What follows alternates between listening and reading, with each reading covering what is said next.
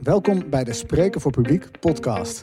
Vandaag ga ik in gesprek met Glenn Vergozen, die je misschien wel kent van zijn eigen podcast over spreken gesproken. Glenn is trainer bij het Franklin Covey Instituut, gaf ooit een TED-talk en is ook sprekersregisseur. Van dat laatste was ik wel heel benieuwd wat het precies inhield. Luister mee naar de Spreken voor Publiek podcast. Ik zit hier uh, bij Glenn Vergozen. Glenn, welkom in de podcast. Hi Bert-Jan, leuk om er te zijn. Ja, dankjewel. dankjewel. En het eerste wat ik jou ga vragen, uh, want jij doet ontzettend veel verschillende dingen. Uh, maar ik zag, dat, zag dat jij sprekersregisseur bent. Mm -hmm. En dat is, vind ik, een intrigerende term. Wat doet een sprekersregisseur? Wat doet een sprekersregisseur? Ja, de, ik als sprekersregisseur help je om je lezingen te vertheatraliseren. Want de regisseur, normaal gesproken, helpt je in een theatrale setting. Ja. Dus met een toneelstuk of iedere cabaretier heeft een regisseur. Eigenlijk komt het ook wel voort uit de verwondering, Hubert-Jan, dat op heel veel plekken heb je altijd een coach. Ja. Dus zelfs de mensen die goud halen op de Olympische Spelen. Ja, er is geen speler of sporter zonder coach daar. Uh, iedere theatergroep of iedere cabaretier heeft een regisseur. Dus dat is volstrekt normaal. Ieder orkest heeft een dirigent. Maar dan kom je in de sprekerswereld en dan zou men het maar gewoon zelf moeten kunnen. Dat is de, de en dat is de um, irritatie of de ergernis waar het voor jou mee begonnen is, denk ik. Van hé, hey, maar, maar mensen zouden het zomaar moeten kunnen. Waar, heb jij dat ge, gezien voor het eerst? Dat je dacht, hé, hey, ik zie iemand zonder regisseur of zonder coach, die kan ik wat leren? Nou, ik merkte het vooral zelf als, als uitvoerder dat ik daar extreem tegenaan liep. Ja. Uh, want ik heb de theateropleiding gedaan. Daarna ben ik als trainer eigenlijk gaan werken. Eerst een communicatiegerichte trainingen. Daarna langzaam naar de plek waar ik nu werk, hè, bij Frank Covey. Maar toen ik als spreker ineens mocht spreken, ik merkte dat ik dat doodeng vond. En dat ik vastliep en dat ik het lastig vond. En ik dacht, hoe komt dit? Want ik heb hier toch gewoon vier jaar voor geleerd. Maar ik kwam er gewoon achter, ja, op, op het moment dat ik niet een rol hoef te vertolken. Want als Ja. speler ja, ben je niet jezelf. Dan, dan vertolk je een, een rol. En dan was die hele gêne was weg. En die plopte ineens op toen ik ineens, eh, dames en heren, Glenn Vergozen. En dat ik echt dat ik het super moeilijk vond. En dat ik dus ook erachter kwam, ik kan mezelf helemaal niet regisseren. Eh, want dat, dat is ook heel lastig. Dus dat, ik- is, dat is, eh, want jij zegt, eh, van, voor, toen ik voor het eerst eh, moest gaan spreken... en je zegt het alsof het je bijna toevallig overkomen is... dat je op zo'n op zo'n podium gezet werd. En ik, ik moet daaraan denken, want ik heb jouw TED-talk gekeken van tevoren. en daar vertel je van how to survive your first TED-talk. En dan vertel je van, dat je op een gegeven moment voor 800 man... ineens stond, of ineens eh, stond te spreken. Maar hoe kwam dat zo? Eh, hoe kwam je daar terecht? Mm. Dat kwam voort uit dat ik hier bij Frank Covey ben ik leiderschapstrainer en ik help mensen met persoonlijke ontwikkeling. En dan komt het soms voor dat dan een bedrijf zegt van joh, wij gaan een heel traject doen. Maar voordat we dat traject gaan instarten, vinden we het toch wel belangrijk dat dan tijdens een soort bijeenkomst waar iedereen aanwezig is, dat er een soort kickstart komt. En ik vond het dus hartstikke leuk om als bijvoorbeeld presentator op een podium te staan. Dus als ik of eh, in de weekenden stond ik te draaien op feestjes en bruiloften. Dus ik ben ook echt zo'n gekkie die echt of van alles heeft, heeft gedaan. Omdat ik het gewoon leuk vond om op een positieve manier ja, energie eh, te creëren, energie te delen. Of je nou een toneelstuk speelt of, of bij spreken plaatjes staat te draaien. Dus er zit, zou je kunnen zeggen, een enorme eagerness om aan de ene kant dus in die schijnwerpers te staan. Noem het ijdelheid, noem het soort drukdoenerij. Ja. Maar van de andere kant, als je dan ineens verwacht wordt dat jij uit naam van jezelf ineens heel veel wijze dingen gaat de- moeten delen of zo. Het heeft dus te maken, denk ik, met de verwachting. Ja? Daar waar de verwachting als acteur, zou je kunnen zeggen, is bij uitstek vermaak. Uiteindelijk hoop je dat mensen gewoon een leuke avond hebben gehad. En natuurlijk als daar een boodschap in zit, leuk. Maar dus daar is het misschien minder pretentieus. Daar waar als je dan ineens als spreker daar voor zo'n groep staat en er verwacht wordt dat je inhoudelijk iets komt delen wat, ja, wat, wat wel ergens over gaat. Ja. Ja, dan speel je toch wel ineens een ander spel. Ja, en als, en als je, want jij zegt die theaterregisseur, of daar, jij komt vanuit een theaterachtergrond, daar hebben we in het voorgesprek al even over gehad. Ja. Ik begrijp voor de luisteraar thuis dat hij nu denkt, wow, theatersprekers, alles. gaan we zo meteen uitgebreid over hebben. Eh, Rustig. rustig aan, rustig aan. Maar jij komt dus op dat eh, podium voor die 800 man en ehm, zonder regisseur. En wat miste jij daar op, op dat moment? Eh, want je zegt, ik kan mezelf niet regisseren. Wat, wat, Mhm. wat, wat, wat bedoel je daar precies mee? Wat mis je dan precies wat, de, wat uiteindelijk de sprekersregisseur wel kan doen? Ja, ja, dat is dus het klankborden in het maakproces. Daar waar dus als ik dus als acteur een monoloog had te doen, dan gingen we eerst met die tekst aan de slag. Alleen dat is helemaal geen solo proces. Het zetten van je plek op het podium, dat is sowieso bij sprekers, die denken daar vaak niet aan. Maar dan vanuit mijn theaterachtergrond denk ik, wat is mijn mise en scène? Wat wordt een mise en scène? Is de plaatsing in de ruimte. Ja. Dus waar sta ik wanneer? Wat wordt mijn, ja, wat is mijn dramaturgische lijn? Ja. En dan heb je ook iemand nodig die daarnaar kijkt en die zegt van... oh, maar als je daar binnenkomt, dat is raar. Of dat, Ja, precies. Dus dan ga je dat uiteindelijk ga je dat oefenen. Ja. Nou, ik kwam erachter, mensen, eh, collega's, sprekers, die oefenen dan. Wat, wat doe je dan met oefenen? Ja, dan gingen we dan aan een tafel gingen we dan de slides doorbespreken. ja, dus voor mij als vreemde eend in de bijt in een corporate wereld viel ik van mijn stoel. Ik denk, huh, maar gaan we niet oefenen? Ja, nee, dat geloven we dan wel. Maar ik denk, wat? Je, je, gaat, je wilt dat toch uiteindelijk repeteren? En uiteindelijk zie je dan ook, dan gaat zo'n persoon staan... en dan gaan die primitieve reacties af. Eh, vechten, vluchten, bevriezen. En dan zie je dat iemand nog net niet zeg maar, in de coulissen verdwijnt... of achter een flip-over zich verstopt. Ja. Of je ziet allemaal, ja, we've all been there, toch? Met Dead by PowerPoint en... eh, nou, jij met, met het, het credo om minder wollig te zijn. Ja, uiteindelijk zit ik met plaatsvervangende schaamte zit ik vaak te kijken naar lezingen die gewoon niet boeiend zijn, een overload hebben van informatie. Nou, en daar dacht ik met mijn combinatie als trainer in een soort corporate wereld en achtergrond Ja. als, als, als theatermaker, zie ik hier een mooie combinatie met iets wat ik leuk vind om te doen, wat mij vooral ook energie geeft en waar ik denk dat ik een bijdrage kan leveren. Dat is minder informeren en meer inspireren. En een manier om dat te doen is het vertheatraliseren van je lezing. Ja. Ja, ja, ik vind dat wel, eh, wel leuk. Want jij, jij zegt inderdaad van dead by PowerPoint. Jij zegt dat ook in je TEDx. Eh, van ik kwam daar de eerste keer met, ik geloof 80 sheets. In, in ons boek eh, Weg met Wollig zit ook zo iemand. Hè, die van die 20 minuten, geloof ik, 73 sheets doorheen probeert te pompen. We zien dat overal op, op congressen. En stel dat zo iemand nou bij jou komt en zegt van nou, ik ben hartstikke goed voorbereid. Ik heb eigenlijk helemaal geen regisseur nodig, maar ik word naar jou toegestuurd. Eh, Oh ja, oh ja dat wordt, oh, daar word ik wel heel provocatief van, uh, Bert-Jan. ja, oh, oh, leuk, je wordt gestuurd. Ja. Ja, Wat, gaan we, wat gaan we doen dan? Wat, ik, eh, zou, ik zou in eerste instantie, hè, maar dat is een beetje dan eh, Koffiaans, eh, omdat ik bij Frank Koffie werk en dus veel met die zeven eigenschappen van effectief leiderschap bezig ben, zou ik je eerst toetsen op je proactiviteit. Dus met andere woorden, als mensen naar me toe komen en zeggen dat ze moeten, zou ik hun vragen wat zou er gebeuren als je het niet doet. Nou, als dat niet bijzonder veel is, raad ik je het vooral af. ja. De- maar dat is even misschien een dwarsstraat die je niet bedoelt. Nee, maar dat is leuk. Dat- Maar desalniettemin denk ik van, joh, als, eh, het allerbelangrijkste als spreker, denk ik, op een podium, eh, dat zeg ik ook in die TED Talks, dat je verbinding hebt met jezelf en dat je iets deelt vanuit passie, Ja. vanuit geloofwaardigheid. Ja, als je dat dus niet hebt, ja, alsjeblieft, doe het dan ook niet.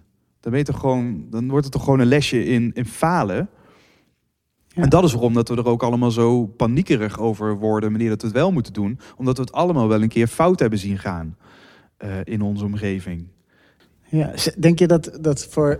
ehm want je zegt nu, soms zou je gewoon het advies moeten geven van ga niet, ga niet, alsjeblieft niet dat podium op. Denk je dat dat voor sommige mensen ook gewoon een soort van definitief eh, geldt?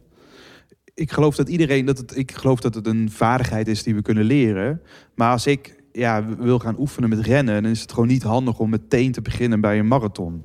Nee. Als ik niet geoefend ben. En, en dat is dus ook als je spreker ineens bij een symposium voor duizend man moet gaan staan. Dat is zeg maar je eerste stap.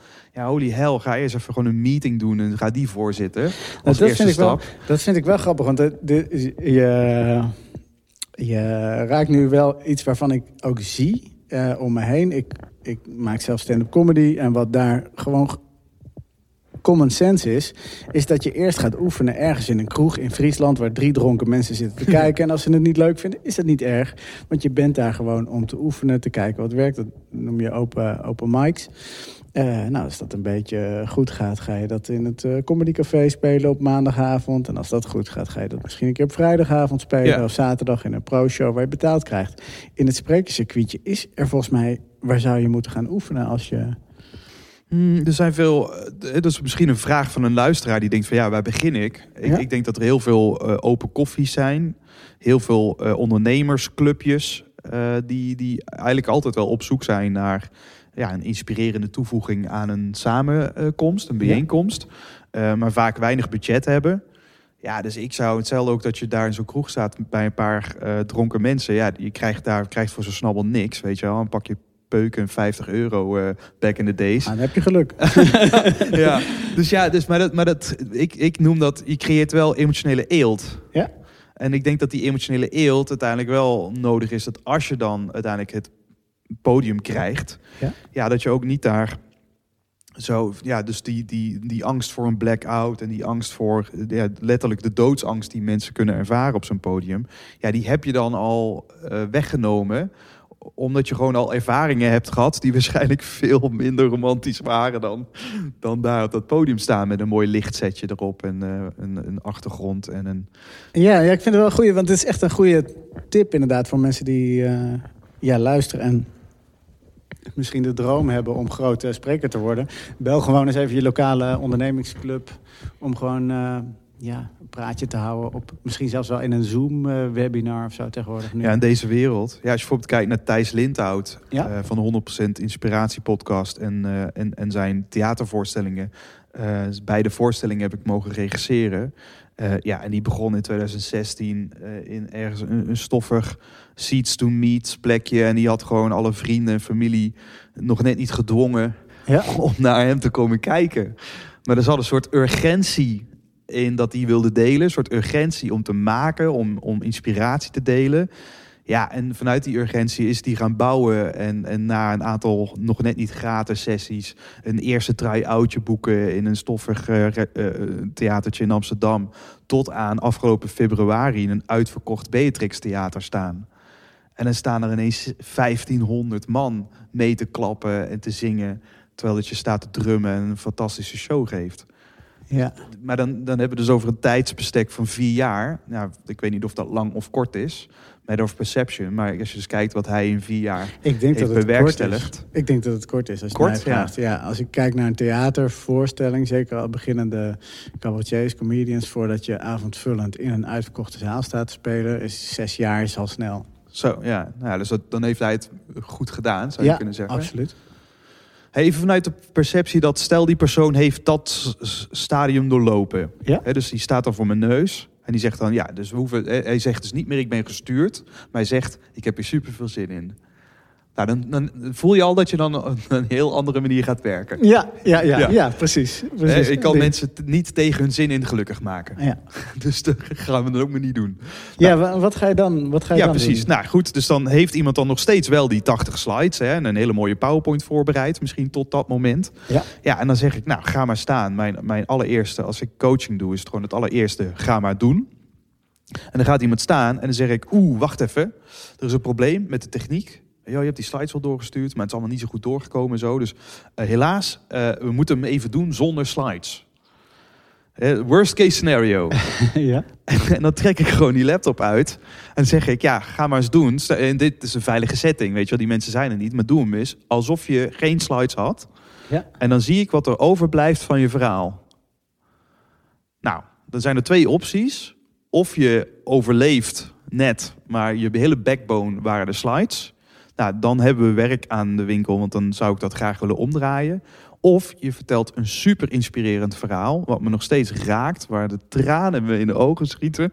En ik denk, die slides zijn alleen maar een mooie add-on, een Ja. potentiële multiplier op het verhaal wat je toch al zou delen. Dus met andere woorden, je, je wordt niet eens een, niet alleen een sterkere storyteller, maar je maakt jezelf ook onafhankelijk van allerlei risico's aan, aan, en omstandigheden. Ja, die zomaar in het echt ook mis En- zouden en kunnen je gaan. test gewoon ook die kern. Je test eigenlijk gewoon dat, dat skelet van het verhaal. Van ja, staat het wel? Ja. Eh, want dat moet kunnen staan zonder toeters en bellen. Ja, mooi. Die eh, reageren mensen daar altijd goed op. Want je, de- bedoel, dan ben je natuurlijk meteen iemand echt wel in een veilige setting natuurlijk. Je trekt eigenlijk eventjes de, de, de grond onder zijn voeten weg. Ja, Reageren daar mensen... Vinden ze dat spannend? ja, tuurlijk. Dit is verschrikkelijk spannend. En, en misschien, en ik denk voor één iemand je verhaal presenteren is vaak nog. Ja, voelt super naakt en naar. eh, in plaats, hè, voor mij vind ik dat spannender vaak om met één iemand te oefenen dan, dan voor een zaal te staan. Maar juist daarin is ook weer die emotionele eelt ontwikkelt zich daar. Want als, als alle rare dingen toch al in de veiligheid van jou en de regisseur zijn gebeurd, ja, dan is dat brein conditioneert zich als van, nou, weet je er kan mij nu niks meer gebeuren. Want ik, ik heb gewoon al die lastige vragensteller, ja, dat hebben we gewoon een keer geoefend. Dus ik heb, ben gewoon een keer die vragensteller geweest, die gewoon allemaal dingen gaat vragen die je eigenlijk niet wilt horen op dat moment. Ja, hoe, hoe ga je daar dan op dat moment mee om? Ja, dus dat lijkt me hier ook wel. Je zit hier bij Franklin Covey, Seven Habits of Highly Effective People. Volgens Mhm. mij staat hij niet, is het niet een van de zeven, maar dingen doen die we spannend vinden. Als we die niet willen doen, ja, dan heb je hier niks te zoeken. Hè? Het is wel, je moet wel durven om jezelf. Ja, iedere groei zit natuurlijk aan de rand van je comfortzone. Ja, En daar, dat bewijst dus de, de noodzaak, zou je kunnen zeggen, voor mij dan van als, als sprekersregisseur. Ja. Ja, dus op het moment dat je dat niet doet, ja, dan, dan blijft het een soort van lot of toeval. Eh, en dan misschien, hè, soms lukt het wel om dan super gepassioneerd tijdens een eh, verjaardag of een begrafenis echt een mooi verhaal te doen, omdat het ook komt vanuit het hart. Ehm, maar dan, ik vergelijk dat altijd een beetje met blind darten. Ja, dan, je hebt misschien het geluk om triple 20 te gooien. En dat is gaaf. Maar daarna kun je het dan nog eens een keer reproduceren. Dus weet je precies wat je nou gedaan hebt, wat het verschil maakte. Nou, en dat repeteren en samen creëren. Ik denk dat, dat dan ga je het blinddoek afdoen. En dan ga je scherp schieten. Leuk dat je luistert naar de Spreken voor Publiek podcast.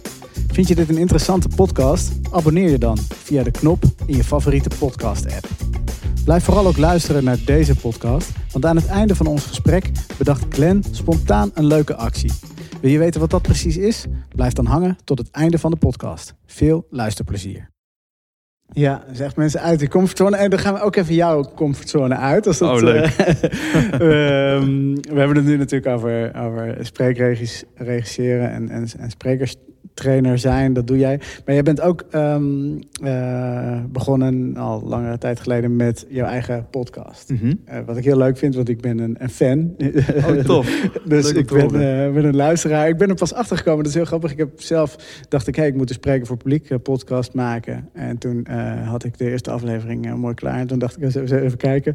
En toen ging ik googlen natuurlijk op spreken en zo. En toen kwam ik eh, ineens jouw eh, podcast tegen. Toen dacht ik, ah, potverdikkie. Verdomme, iemand heeft wat gedaan. er is er wel één. Eh, ja, wat nooit een reden moet zijn om iets niet te doen, Nee. volgens mij. Maar toen ben ik gaan luisteren en toen dacht ik, hé, hey, wat interessant. Dat jij houdt lange gesprekken met mensen over... je pluist helemaal uit wat ze geschreven hebben, wat ze gedaan hebben. Ja. Maar wat, waarom ben je dat überhaupt gaan podcasten? En wat ging dat meteen goed? Ik ben heel benieuwd hoe dat allemaal gegaan is. En, en het meteen goed. het Wat, wat zit daar, wat Nou zit ja, daar voor een... eh, Omdat we het hebben over uit je comfortzone. Podcasten is natuurlijk een raar ding. Je gaat met iemand praten en je gaat... eh, wat je vind jij gesprek raar? Wat, wat maakt het raar voor jou? Nou, ik vind het toch wel. ehm, je bent een gesprek aan het houden. En ik vind. Dat is een beetje mijn overtuiging van een podcast. Het moet ook een soort zo'n natuurlijk eh, gesprek zijn. Anders leent het zich veel meer voor een geschreven interview of zo. Ja. Dat, eh, eh, maar je zet er wel een, een opnameapparaat bij aan. Dus, Ja. het is, dus het heeft ook iets kunstmatigs. Je moet daar comfortabel bij worden om dat soort gesprekken te voeren. Ja. eh, om jezelf op te nemen. Kijk, je bent nu mij al ben je weer een beetje aan het interviewen. Dat is heel grappig. ja. Draai de rol gewoon even om. ik ben wel oprecht gebeurt, maar- nieuwsgierig. Ja, want omdat daarvan vinden we elkaar natuurlijk dat we allebei ehm, ja, deze, dit, dit, dit, dit, dit middel hebben gekozen om, eh, om, om wat zichtbaarder te zijn. Wat heeft jou uiteindelijk doen besluiten om dit middel te kiezen? Nou, het was. ehm, ik was advocaat. En toen ben ik met Spreken voor Publiek begonnen. Eigenlijk omdat ik af en toe al wel eens gevraagd werd om een trainingje te geven. Maar dat was allemaal nog heel klein. En op een gegeven moment moet je toch ook een beetje gaan uh, invreten eigenlijk in de scene. Wie zijn er allemaal? Wat doen ze allemaal? Uh, wat, ja, en toen dacht ik, ja, een podcast is wel het middel om met mensen in contact te komen, om erover te gaan praten. Ik wist zelf nog niet helemaal goed waar mijn eigen bedrijf naartoe ging. Zeg maar. Dus ik was in die zin ook mezelf weer aan het scherpen uh, tegenover andere mensen. Dus dat was een beetje mijn vage idee eigenlijk nog toen ik, er, toen ik ermee begon. Zo van, ja, er gebeurt er wat. Even in beweging komen en kijken, kijken wat er gebeurt. Ik weet niet wat jou... Wat, wat, wat was jouw drive als je... Als je... Mijn, mijn initiële drive was dat ik dus in die zoektocht naar wat, wat eh, die, ik, ik kwam af en toe sprekers tegen in het veld en die waren super inspirerend en veel humor en interactie met het publiek en die maken impact. En als je dan ja, en, en de gemiddelde persoon vraagt wie zijn de beste sprekers, nou, dan heb je soort de usual suspects, weet je, als Jan van Zetten, Jos Burgers, Gemco Klaassen, Jitske Kramer. En ik dacht, ja, wat, wat, hebben, wat doen zij nu anders? Dus er zat gewoon een soort geboren nieuwsgierigheid dat ik heel graag hen het hemd van het lijf wilde vragen. Maar dacht van ja, als ik gewoon ga bellen van kunnen een kopje koffie drinken, dat is niet echt een win-win. Dus voor mij, de, de basis was een experiment om te kijken, als ik nu een professionele podcast heb, dan zeggen ze ja, wellicht. En dan kan ik op snuffelstage. Ja. dat was de gedachte. Ja. Dus zo ben ik begonnen. Ik denk, ja, dat kan misschien na een paar maanden een soort stille dood uh, uh, hebben. Maar ik heb dus ook lak gehad aan, aan zeg maar, of lak, het klinkt dan zo alsof ik heel rebels ben. Dat is ook weer niet zo. Maar ja, de, de marketingtips voor een podcast was... Hè, blijf onder een uur, liefst eh, een half uur zelfs. Uh, en, en allemaal van die dingen, dat, dan moet dat dan een beetje kort en chunky. Terwijl ik dacht van ja, ik heb nu de tijd om met mijn jeugdheld Hans Kazan te hangen. Ja, ja uh, ik, ik heb gewoon helemaal geen zin om na een half uur te zeggen... zo, dat was hem jongen, dankjewel. Nee, ik wil gewoon, ik wil dus de tijd nemen om zo'n persoon ook echt te leren kennen. Ja. Vanuit die nieuwsgierigheid. En ik, als ik kijk naar programma's op televisie, dan vind ik zomergasten fantastisch. En 24 uur met. En dat zijn dus allemaal programma's waarin je dus iemand voor een langere tijd ziet. Waardoor uiteindelijk vanzelf dat laagje vernis er afglijdt. En ik het idee heb dat ik met een echt mens sta te spreken, met echte uitdagingen, met echte verhalen. Ja, en die verhalen, mijn aanname, die verhalen ga ik er niet, ja, die kan ik wel eruit persen in 20 minuten, maar dan wordt het toch geregisseerd. Maar was dat je plan ook? Want, want je zegt van, uh, ik ga mensen bellen en ik ga ze het hand van het lijf vragen. Maar ik kan me zo voorstellen dat je ook maar moet afwachten van, ja, hoe lang vinden die mensen het leuk als ik ben al lang blij als ik met een kwartiertje met Hans Kazan uh, mag zitten, zeg maar. Ja. Uh, was dat je plan ook om, om van die lange gesprekken te voeren? Of is dat een beetje gaandeweg zo gegaan dat je daarachter kwam? Nou, volgens, volgens, mij zijn die, zijn die uh, eerste gesprekken, die, ja, die gaan echt al, die beginnen gewoon op anderhalf uur. En volgens mij aflevering drie was met Remco Klaassen. Nou, die tikt bijna de twee uur aan. Ja, dus het was voor mij, ja, dus daarin om een betekenisvol gesprek te voeren zou je ook kunnen zeggen, Glenn, doe iets aan je productiviteit. Blijkbaar heb ik daar ook langer voor nodig dan 30 minuten. Uh, maar ik, ja, ik smul daarvan. Als ik dus kijk ook naar wat ik als gewoon thuis het allerfijnste vind, is het gewoon om hele goede gesprekken te voeren met vrienden. En dat we daar een goed flesje wijn bij opentrekken. En weet je, een beetje filosoferen. En al die andere facetten zou je dus kunnen zeggen, Hubert-Jan, in mijn zoektocht naar wat ga ik doen om wat zichtbaarder te worden. Ja, al die andere dingen was ik gewoon ook niet zo goed in. Als je kijkt naar video, ik kan misschien YouTuber worden, maar het is allemaal zo flashy en kort en. Ik denk van ja, ik voelde me daar niet helemaal verwant toe. Het zijn mensen die dat veel beter kunnen.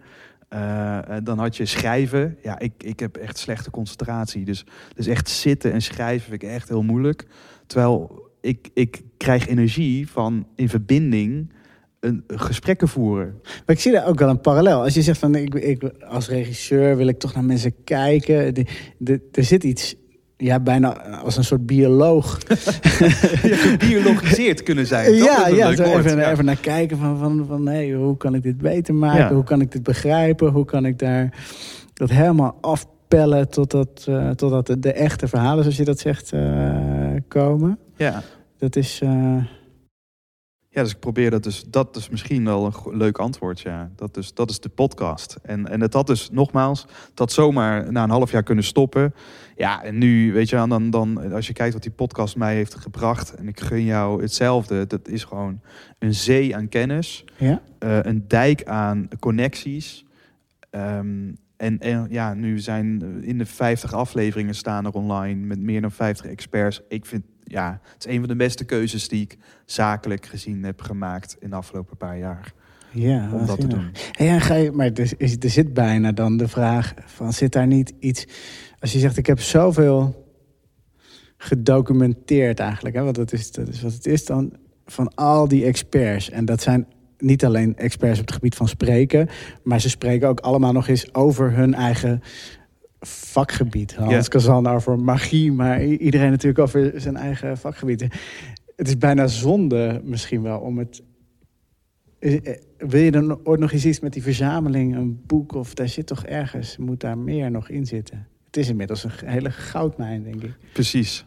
Ja, dus dat is, dat is waar ik nu eh, mee, wel voor een deel mee bezig ben. Dat ik nadenk van, joh, eh, ik kan uit die bak aan kennis kan ik Lego-blokjes destilleren. En die kan ik dan weer online in de goede volgorde klaarzetten. En dan heb je ja, een soort online cursus die je kan doorlopen. En, en dan, dan kan ik zelf content erbij maken. En dan zie je voortdurend fragmenten van een specifieke podcast. Dus dat is één ding. Natuurlijk komt er een keer een destillatie in een soort boekvorm. eh, met, met soort best practices. Maar de grap is dus, mijn ondernemersbrein bedenkt dan allemaal die dingen. En ik denk van wow, weet je, dat kan ik doen. En toch is dan ook alweer stom dat ik mezelf dan uiteindelijk eh, echt moet zetten om dan dat soort dingen ook te doen. Ja, nou Omdat- begin with the end in mind, hè, zou ik Kobe zeggen. Ja, en het is dus interessant als je het hebt over Begin with the End in Mind. Gaat kijken, hey, wat, wat zit daar dan achter? Ja, dat is dus... Dan ga ik het bedenken. Ja? En dat is dus precies het verschil ook tussen goede sprekers en denk ik minder goede sprekers. Heb ik het bedacht of voel ik gewoon een bepaalde noodzaak, een soort bepaalde stuwing. Dat kan of zijn omdat er een passie ten grondslag ligt of een echt een nieuwsgierigheid. En als ik dat vanuit die stuwing faciliteer, ja, dan denk ik dan voelt het helemaal niet als werk, maar dan ontstaat het. Ja. En dat was voor mij een beetje die podcast. En dan nu dan de volgende stap zou zijn, waarom ga je die niet monetizen?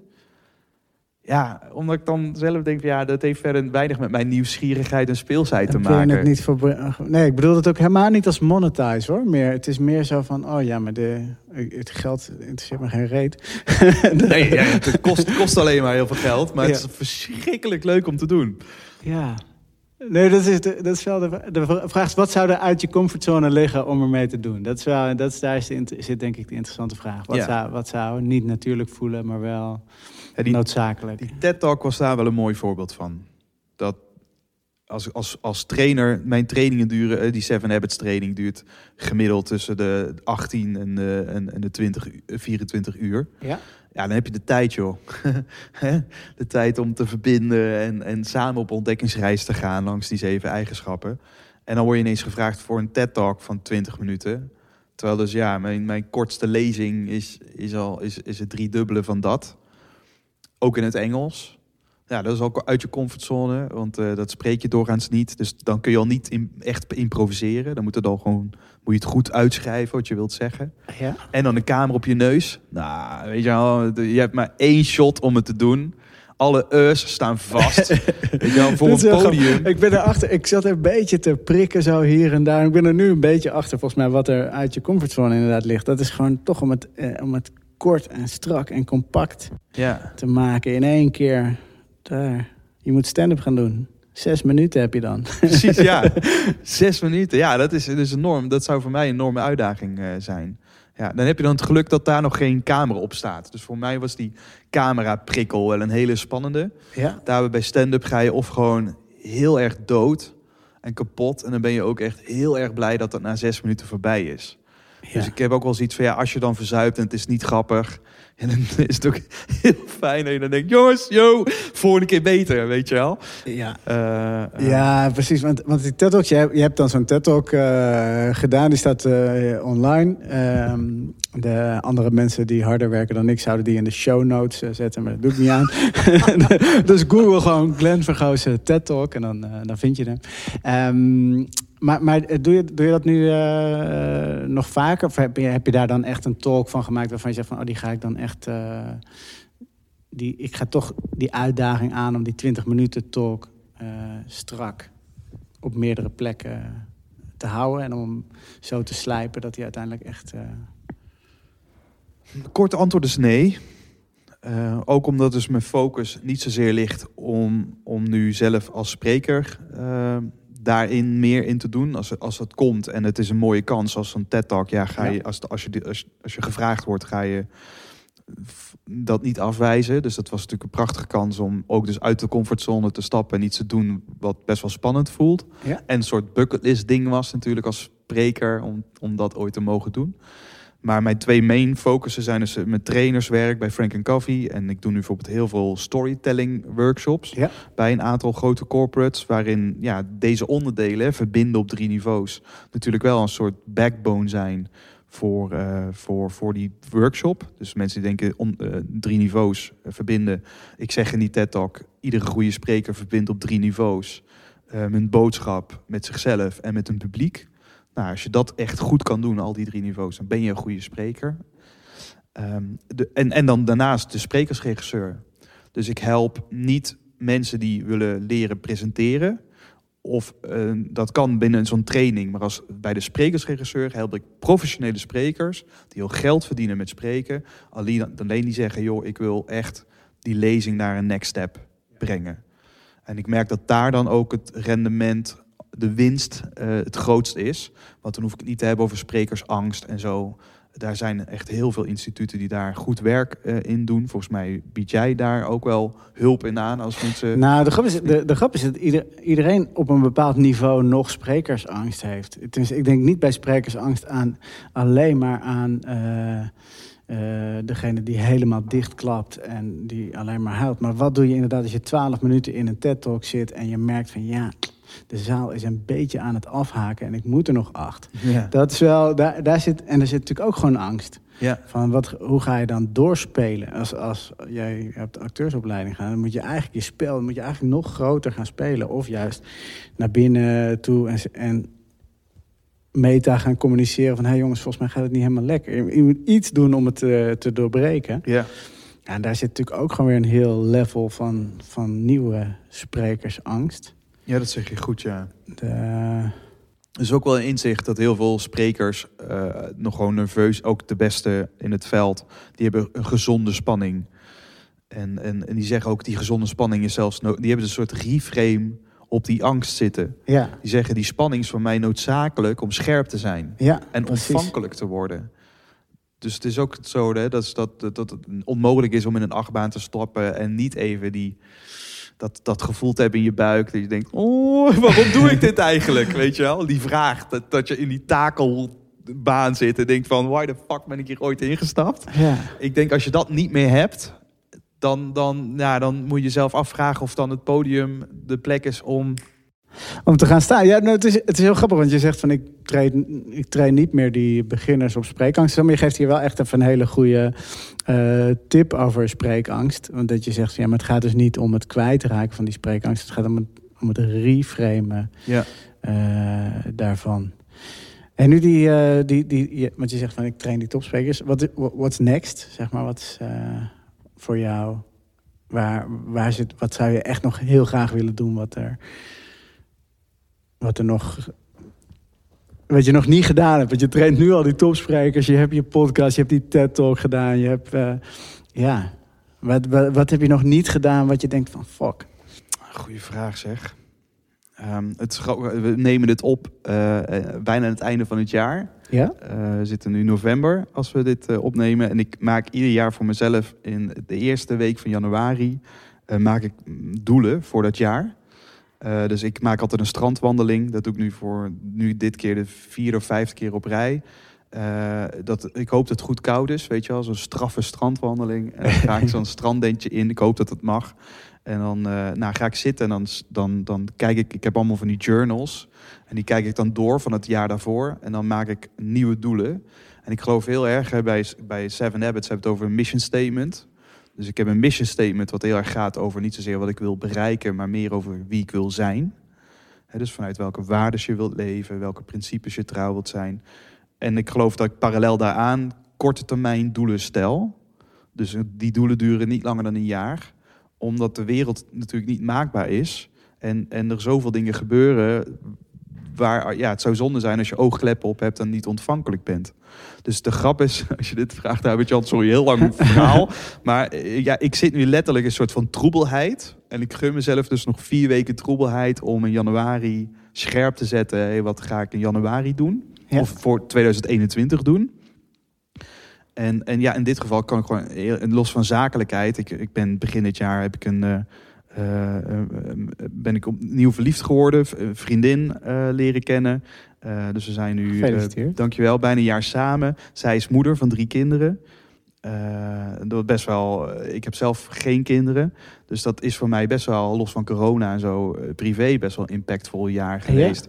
Met nu drie kinderen waar, die ik ieder weekend waar ik bij ben. En die zich nu ook langzaam gaan hechten. Omdat ze, ja, omdat ze graag bij je zijn. Dus dat is heel bijzonder. Dus voor mij haast, als, ik, als je me die vraag stelt, dan zijn de associaties in mijn hoofd eerder privé gerelateerd. Ja? Dat ik denk van, hoe ga ik die nieuwe rol als bonus pa of zo. Ga ik ja, welke rol is het überhaupt? Ja, welke, precies, welke rol is dat? waar, is mijn plek in dat grotere geheel? Ja, um, ja dus, dus, om, om dus die doelen zijn voor mij zowel privé als zakelijk zijn een soort van evenredig. Um, ja, daar, misschien dat ik daar misschien nog wel meer in hoop te ontwikkelen. Dat is voor mij enorm uit mijn comfortzone op dit moment. Ja. Uh, dan dat het per se zakelijk zou moeten zijn. Ja, nou ja, maar ik vind dat toch een hele mooie. Zeg van wat is, wat, wat is je nieuwe rol? Je zegt eigenlijk tussen je regels door: ik wil nog eens een keer een soort van goede bonuspapa worden, of dat ben ik nu aan het worden. Uh, of tenminste, dat proef ik een beetje zo van: hé, hey, ik moet daar mijn, uh, mijn plek in dat gezin. Ja, dus je wordt eigenlijk gewoon vader. Dat is gewoon wat het is toch? zonder zelf vader te zijn. Zonder dat je dus dat is ja, heel, heel gek. zeggen, dat label daar plekken is natuurlijk allerlei gevoeligheden. Ja. Uh, dus dat wil je niet te vroeg doen, niet te laat doen. En niet, uh, maar het is natuurlijk wel, je, groeit wel, je stapt wel in zo'n soort positie. Ja. ja. Zie, en nu snap ik waarom jij die lange podcasts opneemt. Want wij zitten nu een beetje zo op een half uur van wat bij normaal mijn podcast zou eindigen. En ik, ja, nu hebben we wel echt...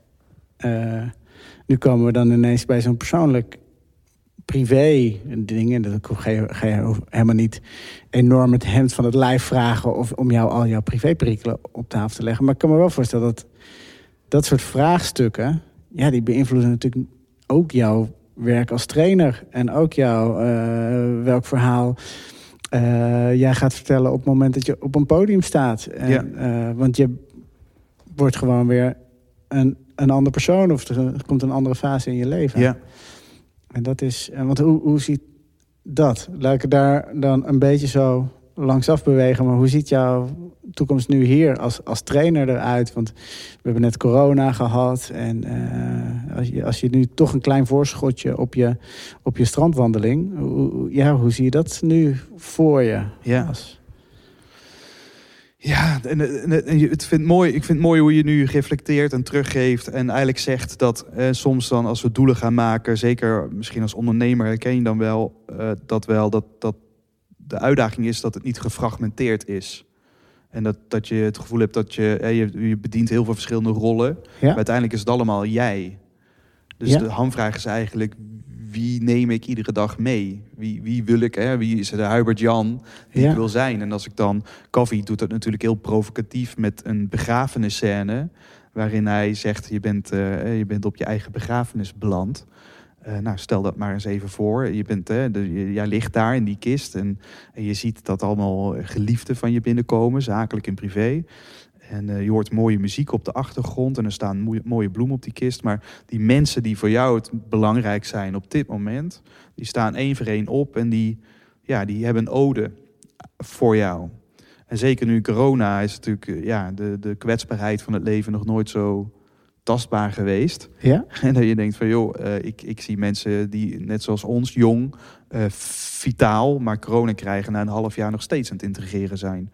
Omdat een hele conditie er gort is. Dus je denkt van jeetje man, dat heeft toch wel impact.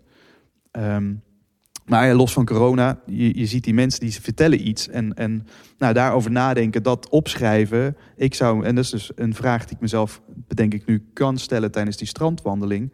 Of ik nu een jaar optrek met eh, mijn vriendin en haar kinderen. Of, of, of 30 jaar. Dat, dat weten we niet. Hè. De intentie is natuurlijk dat dat 30 Ja. jaar wordt, of misschien wel langer. Maar stel, ik zou nu ontvallen, om wat voor reden dan ook. Wat wil ik dan dat die kinderen over mij zeggen? Omdat ik toch veel tijd met ze heb gespendeerd. En dat kan in een paar zinnen, maar dat helpt wel om in het hier en nu te denken: hé, maar wat, wat zou ik willen? En dan Ja. check je, zouden ze dat ook zeggen?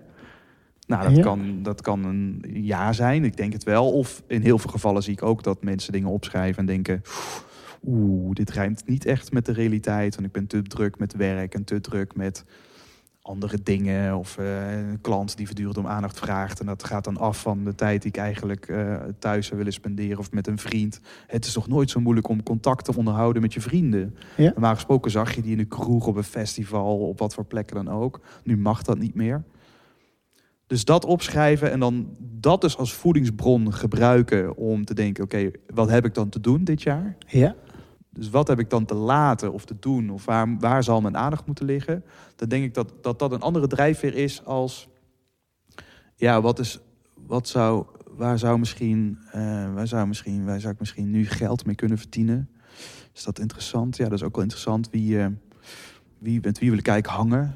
Dat is wel grappig, want dat was een beetje de achtergrond van mijn vraag. Ik je had gewoon kunnen zeggen van nou, ik zou heel graag nog een keer Ronald Koeman willen interviewen. Ja, Dan had ik helemaal geen gek antwoord gegeven. Maar je geeft eigenlijk een veel mooier, veel persoonlijker eh, antwoord. Dus, en je, je zegt eigenlijk ook van ja, dat, ik ben daar nu even helemaal niet meer zo mee bezig met de next big goal of zo. Even, Nee. even de boel in balans krijgen. En, en Dat is op zichzelf al Ja. soms een uitdaging, toch? ja, ja, En tegelijkertijd voor mij het geluk. Ja, waar heb ik het over? Ik mag fantastisch werk doen.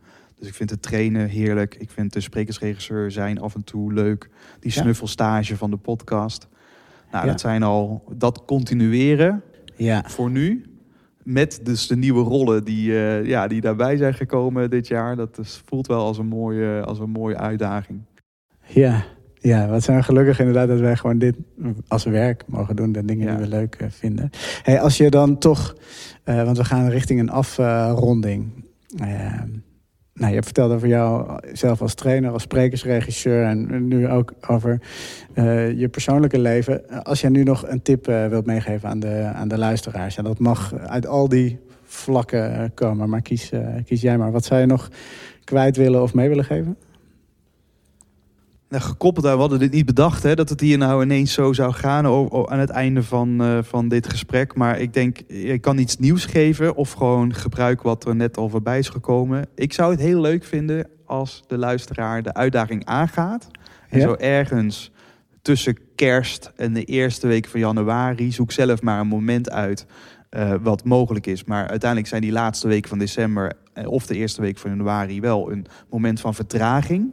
Ja? Daar waar de waan van de dag heel even stil komt te staan. Weet je wel, die Ja. zo de tijd opslokt, normaal gesproken. Gun jezelf even een moment met jezelf. Dat mag zijn op, ik doe dat dus aan zee, maar dat mag ook door een bos of gewoon bij je thuis op de bank. Als het maar echt een moment is met jezelf, pak dat pen en papier er eens even bij. En doe ofwel die, eh ja, die begrafenisscène, ofwel zet eens gewoon onder elkaar gewoon alle mooie momenten van dit jaar, 2020. Ik weet ook niet, wanneer ga je dit online gooien, Hubertje? Want als dit Nou, maart dit wordt... is, eh, laten we dit op kerstavond uh, online gooien. Het is maart 2021, ja.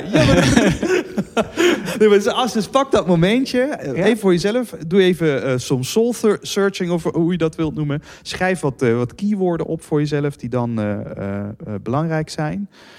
En, ehm, en misschien daarbovenop, maar dat, heb ik, dat bedenk ik nu ter plekke. We zijn nu bezig met een eh, mission statement builder, een soort online tool. Ja, Als wij even contact hebben en je gaat het daadwerkelijk zo medio kerst eh, eh, online gooien, dan zorg ik dat je een link krijgt. Nou, die kun je copy-pasten in de En dan show moet ik notes. toch eens een keer iets in de show notes gaan Ja, zetten. precies. En dan kunnen ze daarop klikken en dan kunnen ze, want dat ga ik dan gewoon regelen met, met, met marketing hier, kunnen Ja. ze gratis in die periode, eh, begeleid door, eh, door mij in een aantal filmpjes en oefeningen, kunnen ze gratis een mission statement maken door, eh, door, door een doen van een aantal oefeningen. Dan helpt die tool hen Nee, daarmee. waanzinnig. Wat is dat? dat Ik is leuk. het ter plekke. Ik ga, maar dat, maar ja, dat, maar dat, dat is leuk. het staat maken. nu op band. Dat Ja, is het, nu is het, het mooie van het apparaat.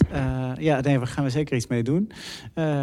Hartstikke leuk. Op Tof. zoek naar mission statement. Ja, Tof. Hey, super. Dankjewel. graag gedaan.